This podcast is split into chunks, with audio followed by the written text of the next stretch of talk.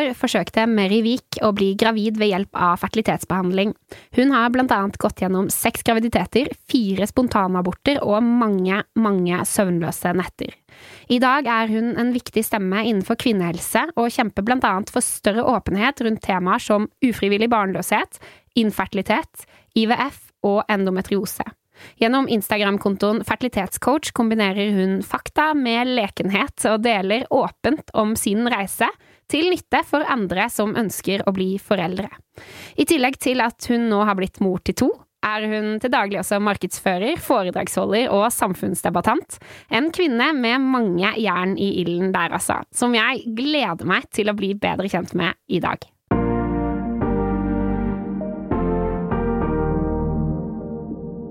Velkommen i studio, Mary. Tusen takk. Veldig, veldig hyggelig og ikke minst spennende å ha deg her. Tusen takk for at du har invitert meg. Ja, så må jeg bare på forhånd beklage litt for stemmen min. Jeg er litt uh, hes i dag. I dag så skal vi snakke litt om ufrivillig barnløshet og ja. infertilitet. Dette er jo store og viktige temaer som jeg også blant annet har lært litt mer om det mm. siste året nå. Men aller først, vi har jo aldri uh, møtt hverandre før. Nei, ikke live. Nei, ikke live. Jeg har jo sett deg masse på Instagram og sånn, det skal vi komme tilbake til. Men um, du slår meg som en dame som har veldig, veldig mye pågangsmot og driv, noe som jo også er grunnen til at du har blitt invitert inn i nettopp denne podkasten her. Jo, takk. Og du deler jo åpent om ting som har vært eh, vanskelig for deg, som mm. er veldig vanskelig for mange der ute i dag, ja. og som jeg antar kanskje er fortsatt litt sårt uh, for din del. Hva er det som, når du har en litt kjip dag, hva ja. er det som får deg bedre humør? Hva er det beste du kan gjøre for deg selv? Egentlig så er det å dra og trene ja. egentlig. Eh, det er ikke alltid det går. Vi har jo nå to, to, barn, så det er ikke alltid at det er aktuelt. Men eh, det viktigste for meg er å komme seg ut, og den terskelen kan jo av og til være litt, litt høy. Men det å skjerpe seg litt, liksom, og kle på seg og komme seg ut uansett vær og puste inn frisk luft, det, det er jo veldig magisk. Og er det en hverdag, så er det noe med å komme i gang, da. Ta en dusj og Altså det derre Ja, komme i gang. Det, mm. Jeg har en litt sånn uh, i meg noen ganger at nei, nå må jeg bare ut av det her. Ja. Um, så det er ikke alltid det går, men jeg prøver å ha den holdningen, da. Ja. At jeg skal i hvert fall ikke bli sittende og sture, liksom. Nei. Ja, det er, det er noe frisk luft av og til. Altså den dørstokkmila. Ja, ja, men den er helt reell. Ja, og, og, så er det noe med å bare huske på det i, når det er litt kjipt og tungt, at mm uansett hva det er, så er det ofte veldig mye hjelp i det, da. I hvert fall hvis man kan kanskje kombinere det med å møte noen man liker å snakke med, eller kan klage litt til. Mm. Mm.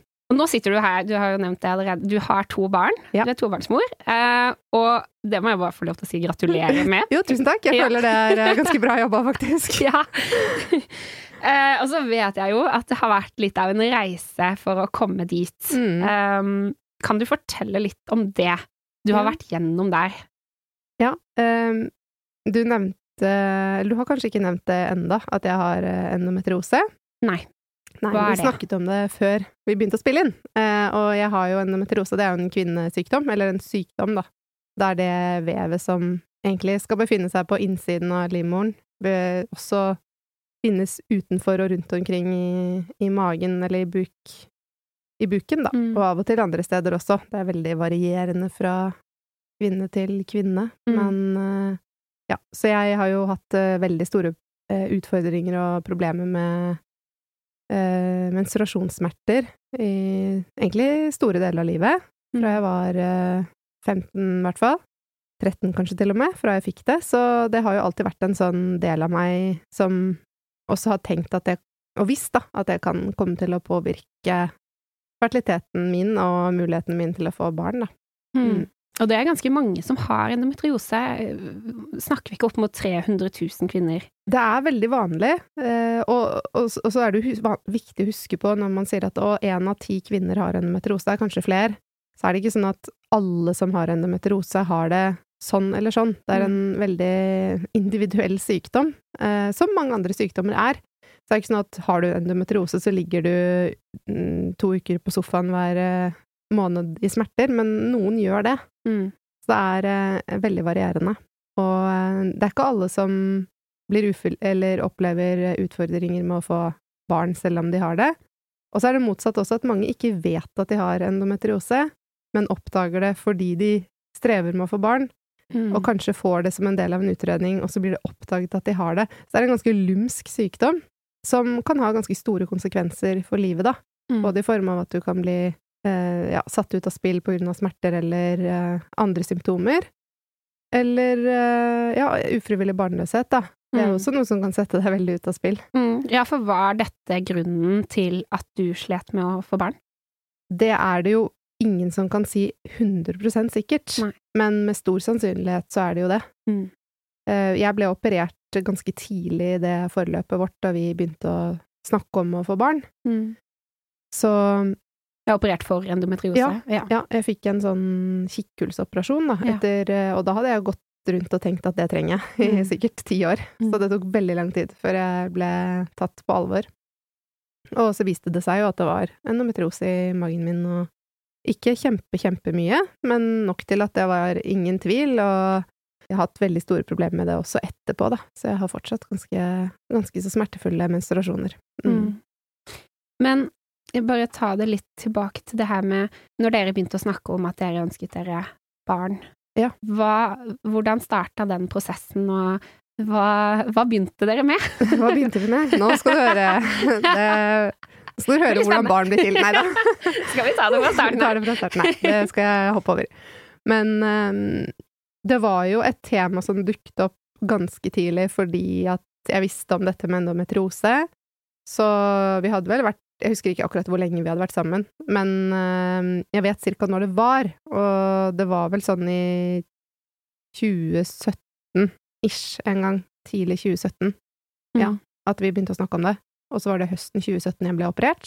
Og da jeg ble operert, så fikk jeg beskjed på oppvåkningen, eller hun spurte hun legen som hadde operert meg, om vi hadde tenkt på barn. Uh, og så sa jeg ja, vi har jo snakket om det, og da sa hun at ja, for det er de best, seks første månedene etter en slik operasjon som er best, da. Eller det er liksom, da er vinduet størst. Mm. Vinduet, hva heter det, ja, sjansene best uh, mm. dersom man har en endometriose, for da har du da har legene på en måte fjernet så mye som de kan av det betente eller ja, endometriosevevet som befinner seg der det ikke skal, og kroppen er eh, på et bedre sted da når det kommer til fruktbarhet på grunn av den inflammatoriske tilstanden som på en måte er nullstilt lite grann. Mm. Så det var jo en sånn beskjed som fikk oss til å tenke at ok, nå må vi, det må vi jo benytte oss av. Eh, det er ikke sånn at du kan dra inn og operere hver sjette måned for å ha det samme utgangspunktet. Det fungerer jo ikke sånn. Så det var jo, en, det, var jo det som kanskje sånn kickstarta det ordentlig. Mm. Det prosjektet. Mm. mm. Men da følte dere dere klare også, eller ble det litt sånn før tiden? Eh, det, kanskje litt før tiden, sånn sett. Ja. Men samtidig så uh, var det også det som gjorde meg veldig klar på at jeg vil bli mor, da. Mm. Vi skal ha barn. Mm. Uh, og også sånn at jeg er sammen med han jeg vil ha det med, ja. ikke sant. Så det var jo sånn på en måte, ja, kanskje litt tidlig, siden vi hadde vært sammen bare et par år. Mm. Men det var jo ikke så lenge til jeg skulle bli 30, og mannen min er litt eldre enn meg igjen. Mm. Det var jo en helt naturlig tid sånn sett å begynne på det, egentlig. Mm. Ja. Når starta prosessen med ja, IVF? For det her er jo noe kanskje veldig mange har hørt om, IVF. Ja. Men er det kan du si litt om det? Hva er det? Ja, jeg kan fortelle litt om det. Ja. Eh, altså, IVF det står for in vitro fertilization, så det mm. er jo da befruktning som skjer utenfor kroppen, eller i en, et prøverør, da, eller i en sånn skål. Så det som skjer da, er jo at egg og sæd tas ut, eller hentes ut, eh, fra mm. kroppen, mm. og så kombineres de to cellene i, uh, utenfor kroppen før det tilbakeføres igjen som et embryo, da. Et befruktet egg som har utviklet seg i alt fra to til ja, seks dager. Ja, og settes inn i livmoren. Mm. Mm. Og for vår del så var det sånn at jeg ble før vi begynte med IVF, så prøvde vi en annen type behandling, som også er fertilitetsbehandling, men som ikke da er så inngripende som IVF er. Mm. Eh, så det er jo også det er viktig å huske på at fertilitetsbehandling, det er mye mer enn mm. bare IVF, da. Mm. Så du starta med en annen type hormonell behandling, og så gikk det ja. over på, på IVF etter hvert. Ja, for jeg ble gravid to ganger Ja. Da tok jeg eggløsningssprøyte eh, for å garantere eggløsning, i kombinasjon med at jeg i forkant av det hadde tatt eh, noen eh, eggløsningsboostende Mm. tabletter, da. Noe som heter Letrozol. Så um, østrogenhemmende, faktisk, hvis noen er spesielt Ja. interessert. Ja. Ok. Eh, og jeg må bare spørre, for du har jo vært gjennom Det er jo IVF-behandling, um, og så er det eh, ja, en annen hormonell behandling da, tydeligvis. Um, og så har du vært gjennom spontanaborter. Mm. For mange så, så ser man jo bare en person som prøver å bli gravid. Mm. Men dette her, alt det du har vært gjennom her, det er jo en, en berg-og-dal-bane, vil jeg tro, da. Altså, ja, veldig. alt eh, Jeg kan jo ikke se det for meg, og jeg vet ikke engang man, hvor man skal begynne, på en måte. Men kan du, kan du fortelle litt om hele reisen, altså sånn følelsesmessig? Mm. For oss så var det jo Jeg ble jo veldig glad da jeg ble gravid første gang. Selvfølgelig. Eh, og tenkte at eh, oi, det her gikk jo bra, det. Da hadde det vel gått eh, litt over et år, kanskje litt mer, fra den operasjonen som jeg hadde gjennomført. Og ble jo kjempeglad, men også sånn utrolig letta. For jeg gikk jo og fryktet at det blir jo IVF, det blir jo IVF, vi må sikkert det, og så ble jeg gravid. Og da var det jo sånn veldig happy go lucky, Mm. dette ordner seg-tankegang. Mm. Og så mistet jeg jo eh, i første trimester rundt uke åtte eller noe sånt. Ni. Jeg blander litt, så jeg kan ha sagt noe annet før, men det er ikke fordi at jeg, ja, det, det går rett og slett litt i surr. Det skjønner jeg. Eh, og så mistet jeg, og da ble jeg ganske lei meg, men også litt Da hadde jeg en sånn mm, forventning om at det kan skje. Det var ikke så tungt, selv om det var tungt. Mm. Så var det på en måte også en sånn følelse av at shit, ok, ja, dette kunne skje, og det skjedde med oss, og det er kjipt, men vi må gå videre. Og så Mm. ble jeg gravid igjen nesten med en gang, Mm. og så skjedde det jo igjen, på cirka samme tidspunkt. Eh, og da Da fikk jeg en skikkelig knekk, for da Mm. følte jeg liksom at nå nå, det er ingenting som funker, ikke sant, at eh, vi skal hele tiden tas tilbake til start. Mm. Og jeg ble veldig, veldig lei meg. Jeg husker jeg ble så sint at jeg kastet en sånn svær tekopp i gulvet som knuste. I sånn sinneutbrudd. Ja. Eh, Det måtte bare ut, og det var det jeg hadde i hånda, og det, den gikk i gulvet. Og mannen min bare Hva er det som skjer med deg? Men hva tenkte du at det var din feil, da, eller? Et, nei, det tror jeg ikke. Jeg, men jeg følte bare at Altså akkurat der og da så følte jeg nok at eh, dette er det mest urettferdige i hele verden. Mm. Selv om det finnes mange andre ting som er mye- verre, så var det en følelse av at nå Nå er liksom livet mitt bare skal ikke være bra. En sånn eh, Visste ikke hva jeg Hva skulle jeg med livet mitt når ikke jeg kunne bli mamma, liksom. Jeg fikk en Mm. veldig sånn identitetskrise. Eh, og fra da og frem til vi fikk datteren vår, så var jeg nok ganske inn og ut av en depresjon. Mm. For det ble såpass Det ble såpass tungt. Og vi hadde jo to spontanaborter til Ja. etter det. Før datteren din kom Ja. første? Ja. Og den nummer tre var også ganske dramatisk i form av at det, jeg trengte en sånn utskrapning, og den Det tok masse tid etterpå, jeg blødde veldig lenge, og Ja. det var liksom spørsmål om det var infeksjon, og det var liksom det ene og det andre, da. Så du, du var egentlig i en slags livskrise, Mm, du kaller det? ja, absolutt. Hvor lang periode var dette her, da? Uh, det spørs jo litt hvordan man regner. Ja. Når startet denne krisefølelsen? Den var jo ikke der fra dag én. For det er jo mange som er litt sånn slappe av, det ordner seg. Så er det sånn, ja, men det tenkte vi også det første ett og et halvt året. Og så begynner man jo å tenke at nei, det gjør faktisk ikke det.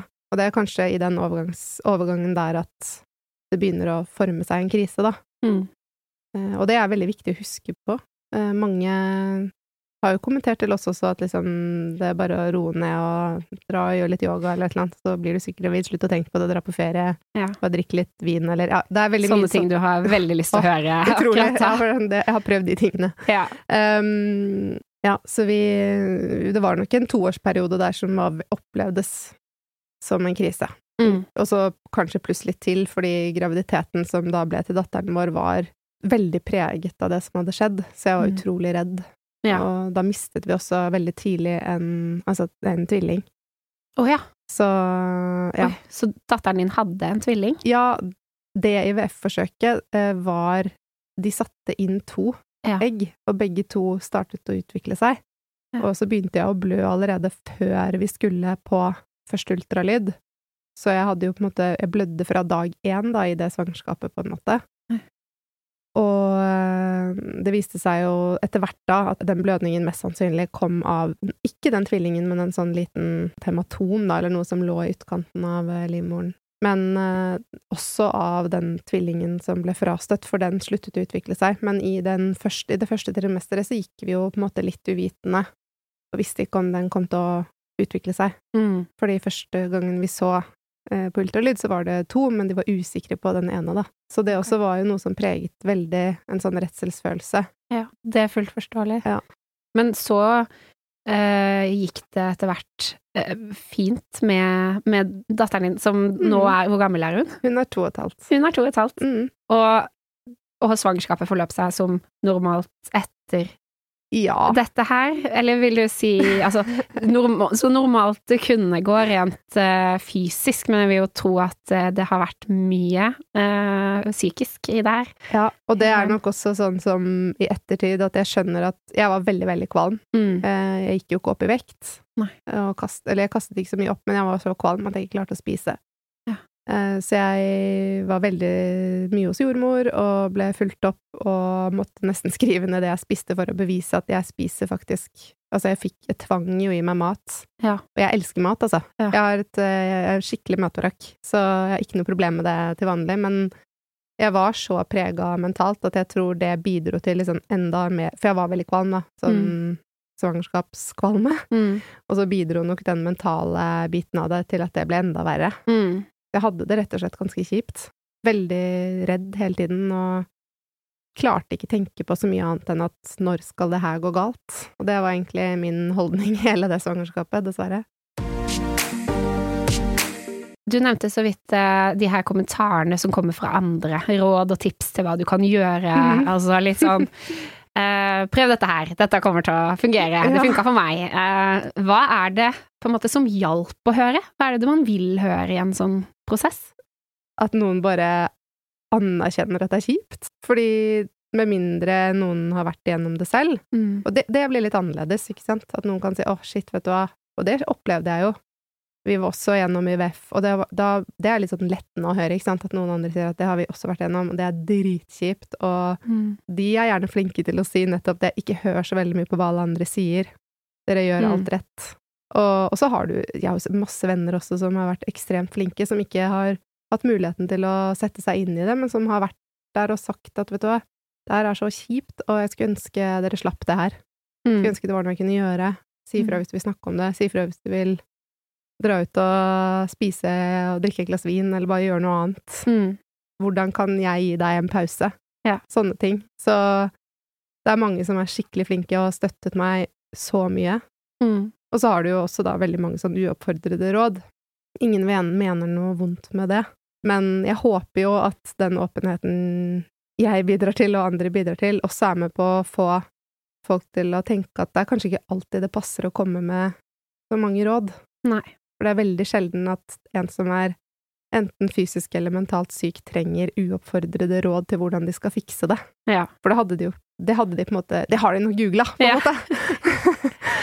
ja, jeg har jo altså jeg, jeg har jo litt egen erfaring her nå fra det siste året å spille på også med dette. Mm. Jeg har jo ikke vært gjennom denne prosessen eh, i det hele tatt, så jeg kjenner jo ikke til det, men de her eh, samtalene i eh, sosialt lag, eh, hvor du eh, Typisk Jeg sitter med en tante eller en venninne av en venninne, og man kommer opp med det her spørsmålet 'Når skal dere få barn, da?' eller når, ja. Eh, når, skal, ikke sant? Når skjer det?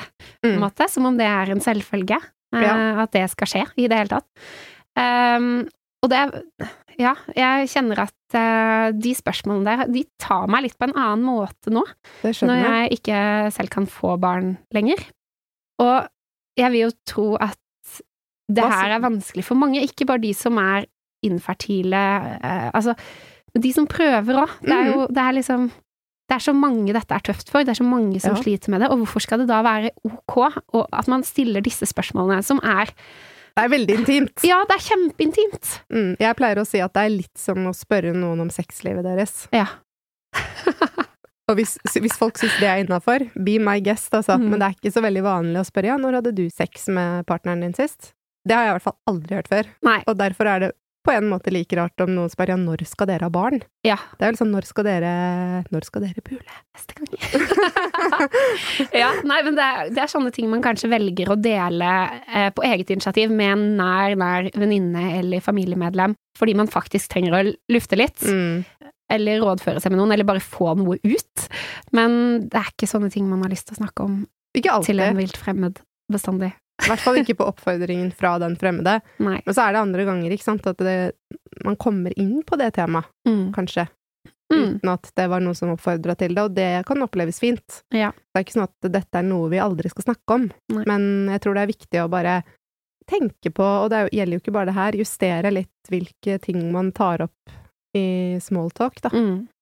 Ja, fordi Mm. altså jeg tenker jo, det er jo den her Man snakker om krenkekulturen i dag, Mm. og liksom Det er jo veldig kjedelig om det samtaleemnet bare skal falle helt bort òg. Mm. Men jeg tenker at på de intime tingene så trenger man kanskje ikke å spørre så veldig, men man kan kanskje dele det man har lyst til, av egen erfaring og egne Mm. ønsker, og så kan den du snakker med, dele det den ønsker. Ja, det var en som sa til meg, eh, som jeg snakka med om dette her, som sa at eh, hun pleier å foreslå at i stedet for å si 'når skal dere få barn', eller sånne, sånne mm, spørsmål som på en måte har en, et garantert utfall, eh, Mm. at det heller går an å si 'ja, hvordan ser familien din ut', for Mm. eksempel. Mm. Eller 'hvem bor du sammen med'? Ja.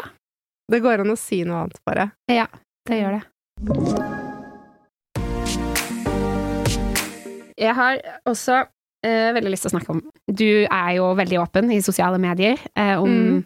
Kvinnehelse generelt, men da fertilitet og ufrivillig barnløshet, eh, endometriose spesielt. Ja. Det er jo et stort og bredt tema, det her med kvinnehelse, som har vært mye omdiskutert eh, nå i det siste. Ja. Um, og jeg bare lurer veldig på hva er det som får deg til å tørre å ta et standpunkt rundt disse tingene her, for det er jo så kontroversielt mye av det. Men du er så Altså, hva er det som driver deg til å snakke om dette her? Jeg tror det er litt det at jeg savnet veldig noen som gjorde det da vi sto i det selv. Mm. Og så syns jeg sånn på generelt grunnlag at eh, vi bør kunne snakke om det meste. Jeg syns det er viktig.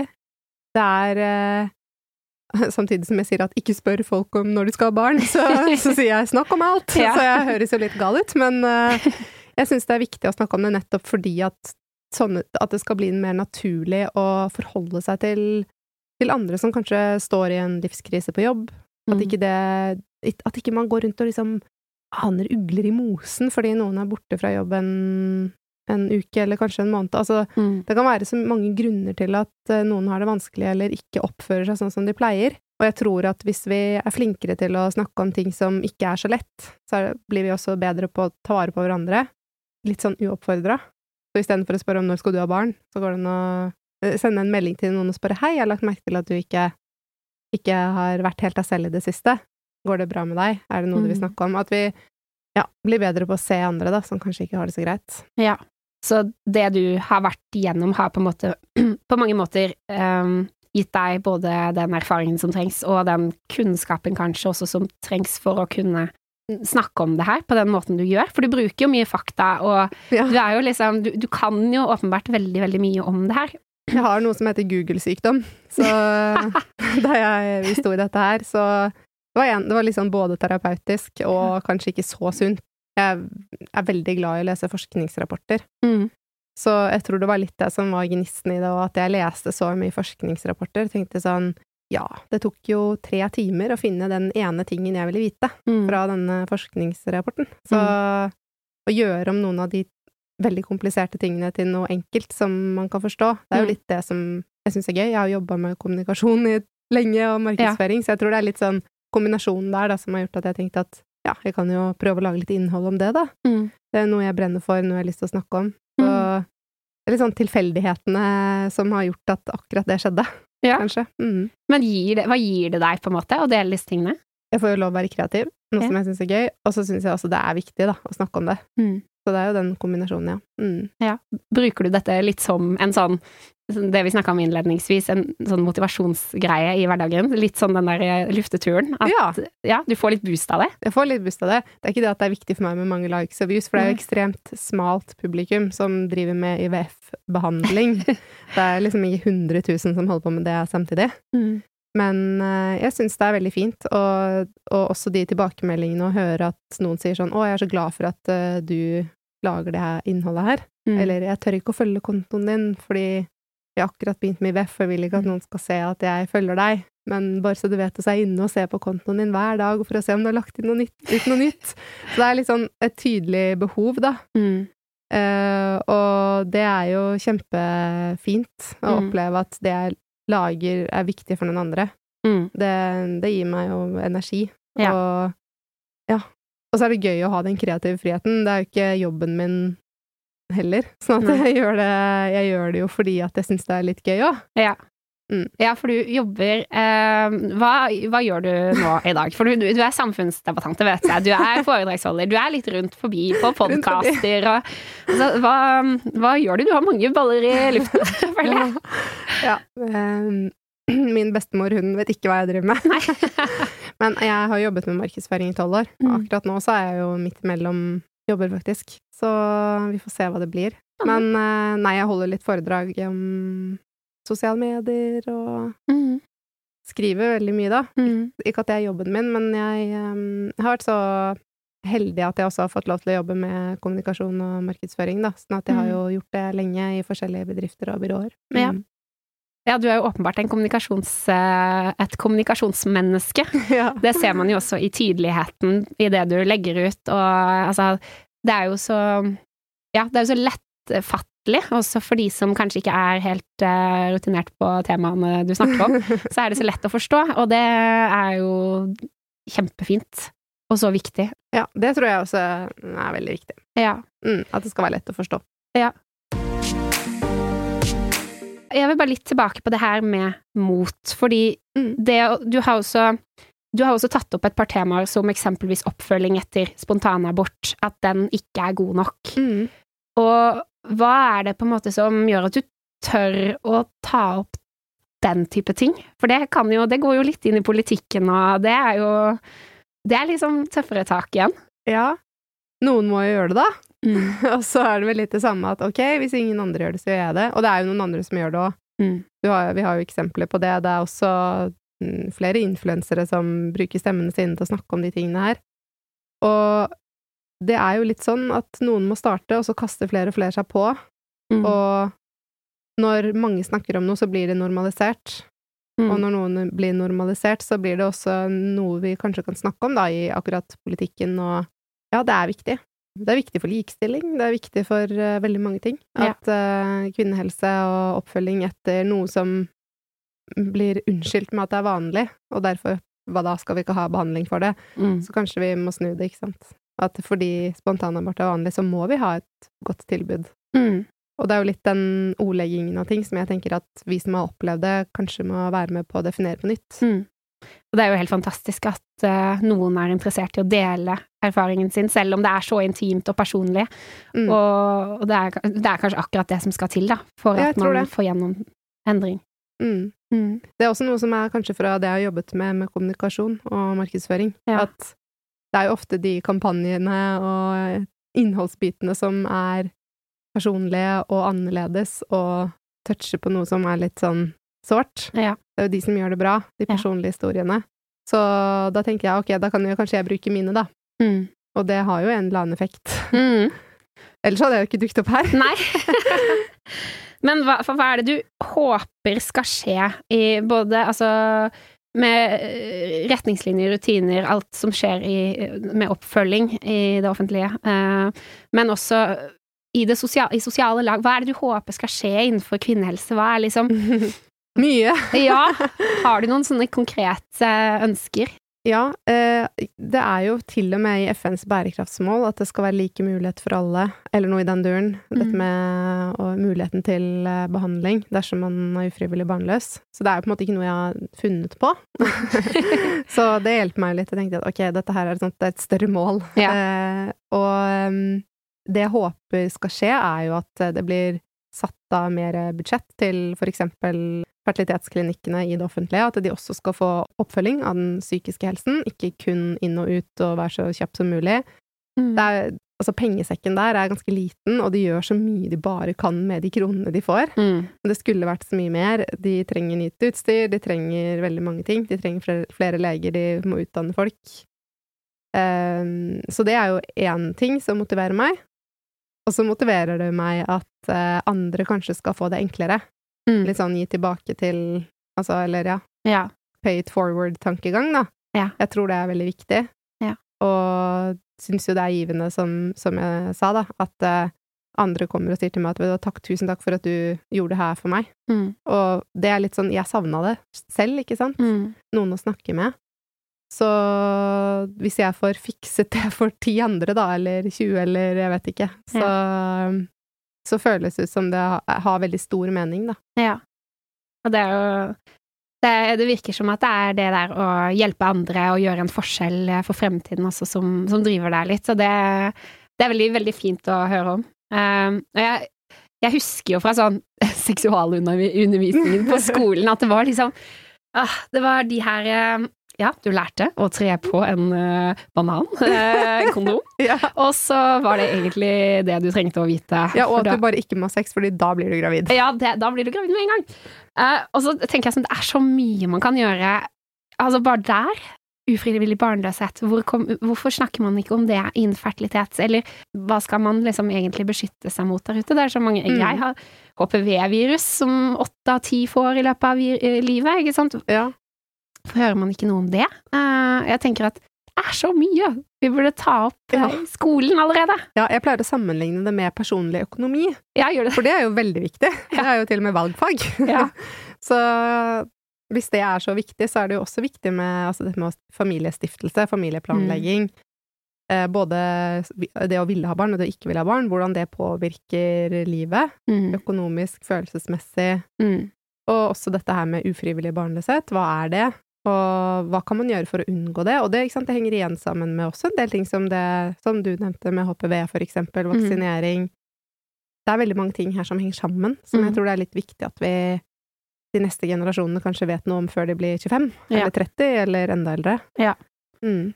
Det er så mye mer man trenger å få vite om i, i tidlig alder. Ja. Um, ja, jeg lurer jo litt på Hvis du skulle uh, hatt én person som hører på denne podkasten, sånn, kanskje beslutningstaker, er det noen du, du håper virkelig hører denne episoden her? Alle politikerne. Hva tenker alle politikere? Helseministeren Mm. og um, ja. Jeg håper jo egentlig at uh, det er kvinner som kanskje enten opplever, eller familier, par, Mm. som opplever ufrivillig barnløshet, Mm. hører det. Og så håper jeg jo Mari hører episoden. Mm. Fertilitetscoachen, det er en annen veldig dyktig dame. Ja. Tone, Tone Bråten, det er også en veldig god eh, terapeut innenfor Ja. området her. Mm. Og så håper jeg hele gjengen på Asker kvinnehelse hører episoden. Og de er jo veldig flinke. Og der, Ja. der er det jo også fertilitetsgynekolog og en psykolog også, faktisk, som er eh, veldig god på det området her. ja. Kult. Jeg har et spørsmål helt til sist her, som går litt mer generelt. Um, du er jo ei dame med mye pågangsmot. Det er uh, helt uh, ute av diskusjon. Men hva er det på en måte Har du et godt råd for å beholde liksom, motet og driven når du møter motstand eller ting er litt vanskelig? Noe som kan måte gjelde alle? Noe som kan gjelde alle. Oi, oi, oi, det følte jeg var litt sånn shit, nå skal du fikse mange problemer. Nei, men bare litt sånn Ja, du har jo vært gjennom mye. Ja. Jeg tror det er veldig viktig å finne noen man kan snakke med. Mm. Om det er en venn eller et familiemedlem, eller en kollega, eller altså en erfaringskontakt. Mm. Nå ut til noen som snakker om det i sosiale medier, for eksempel. Våge å finne et nettverk der du kan dele din historie, Mm. og få støtte fra andre som forstår og gjennomlevd det samme.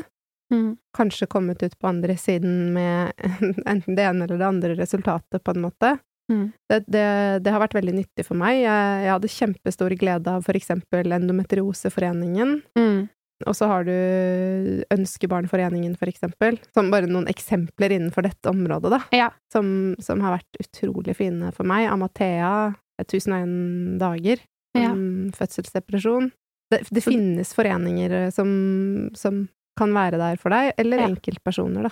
Ja. Mm. Så det å egentlig tilknytte seg mennesker som kan lytte og være der, og du kan rådføre deg med, altså noen du kan snakke med, rett og slett. Ja, og kanskje egentlig klage litt til. klage litt til. Ja, som Ja. ikke kommer med sånn 'har du, har du prøvd yoga?' Nei, ja. Men som bare sier sånn 'shit, det hørtes ikke noe digg ut', eller 'å, det Ja. hørtes helt grusomt ut'. ja. Det er et, eh, et veldig, veldig godt uh, råd. Jeg har opplevd at altså det der å bare møte noen som er litt sånn likesinnede, altså mm. som er Det er å ha et menneske Mm. foran deg, hvor du, du merker at mentalt så er dere liksom akkurat der dere skal være. Dere gleder dere like mye til å ses akkurat der og da. Ja. Dere er liksom på samme sted. Ja. Det er sånn Åh, det er sånn deilig. Ja. Jeg hadde en sånn venninne da jeg sto i de siste IVF-forsøkene, Ja. hvor vi liksom lo av hverandres der jeg brukte sprøytedepot. Ja. Det er jo litt spesiell setting. Ja. litt sånn oi, mange Oi, denne boksen var full av sprøytespisser. Du lever jo i et helt merkelig univers, ikke sant, som kanskje ikke alle andre helt forstår. Ja. Så det Ja. Ja. Det er veldig godt med en sånn eh, slags livscoach, eller hva Ja. man skal kalle det. Ja. Ja. Ehm, tusen takk for at eh, du har vilt være gjest her i dag. Tusen takk for at jeg fikk komme. For en eh, god prat vi har Veldig. hatt. Ja, og så gleder jeg meg masse til å se mer av deg etter hvert. Takk det samme. Så prates vi. Det gjør vi.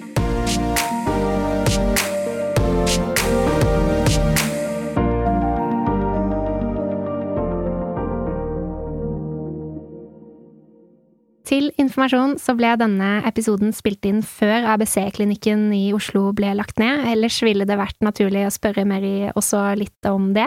Men hvis du følger meg i sosiale medier, Maren WJ, så skal du ikke se bort fra at det kommer en kommentar på dette likevel.